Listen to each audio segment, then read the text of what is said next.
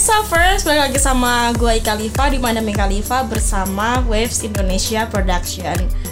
Kali ini kita mau ngebahas apa? Ngebahas tentang zodiak yang akan berubah ketika mereka tuh jatuh cinta.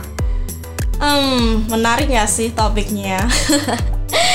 Jadi ini tuh ada list-list zodiak yang akan berubah ketika tuh mereka tuh merasakan cinta yang sebenarnya gitu. Langsung aja lah ya ke topik pembicaraan hari ini. Check this out. Yang pertama, ada Sagittarius. Nah, perilaku tanda api ini tuh berlaku untuk 360 derajat ketika mereka tuh jatuh cinta dan para Sagittarius itu tiba-tiba tuh jadi mesra banget gitu. Yang dulunya tuh nggak peduli ya kan? Cuma mikir diri sendiri. Terus pas si Sagittarius ini udah mendapatkan cinta mereka tuh langsung kayak uh gitu.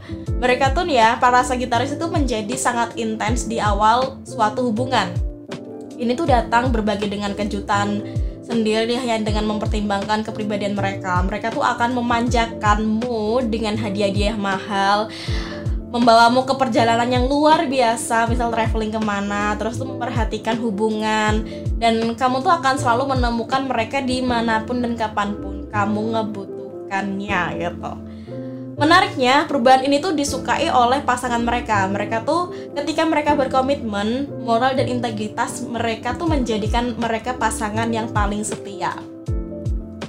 Terus ada Capricorn.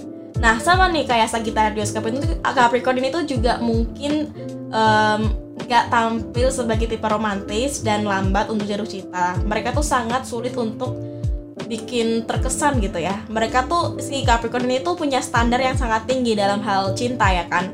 Jadi Capricorn tuh sangat berhati-hati dengan pasangan mereka. Tapi ketika um, mereka tuh udah jatuh cinta, maka tuh jatuh cinta banget gitu. Kayak um, belum pernah didapatkan sebelumnya gitu.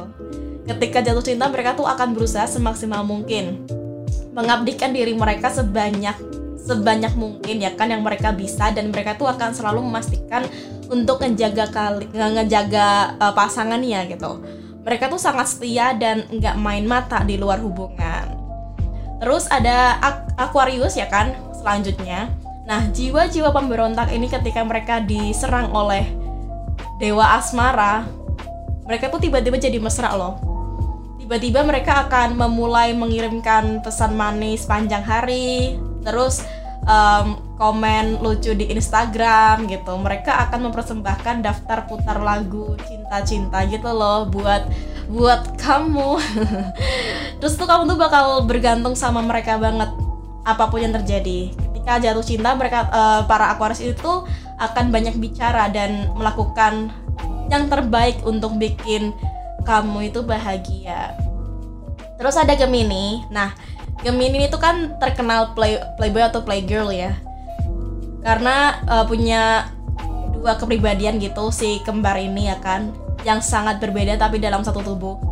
Mereka tuh biasanya tuh penasaran, sosial, kreatif, ngelucu, ngelawak gitu. Sementara mereka tuh secara emosional tuh enggak um, istilahnya tuh sulit ya buat Gemini itu buat jatuh cinta.